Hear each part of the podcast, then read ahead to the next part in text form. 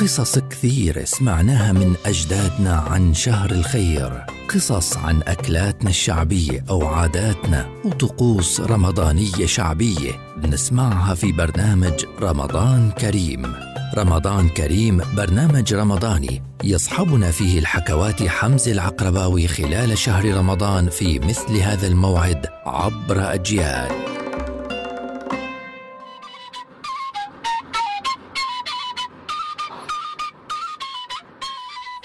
رمضان كريم. كل عام وأنتم بخير والعيد عيد الله. رمضان يا أبو العيلة ما تم فيك غير هالليلة. هلت ليالي العيد هلت واللي عندها حناتي حنت واللي لها غايب لفاها اللم الأسير محبوس ضناها كل عام وأنتم بخير.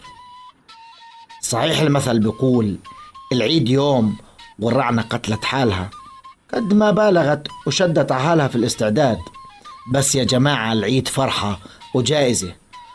ويوم سعد وسعادة وتذكر للأحباب والأرحام والأصحاب. وفش فرحة كانت تعدل فرحة العيد.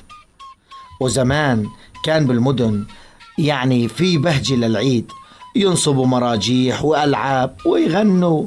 هاي شوط الكملة هاي شوط البرغوث. واللي ما ينزل هون ريتو ينزل في بيروت. وبيجي الحكواتي أبو صندوق العجب وبتدافعوا الناس كبار صغار يشوفوا خريفيته اللي بالصندوق. وطبعا ما أنتم مش غشيمين معمول زي معمول العيد. معمول وكعك وحلويات وزيارات وتبادل تهاني ومباركات وما فرحة إلا فرحة العيد. لهيك كل عيد وانتو أهلنا وبلادنا بخير. العيد روح حيفا جاب الخرج مليانة فرق على بناته وطعمات كل أحبابه ورمضان كريم وكل سنة وانتو سالمين.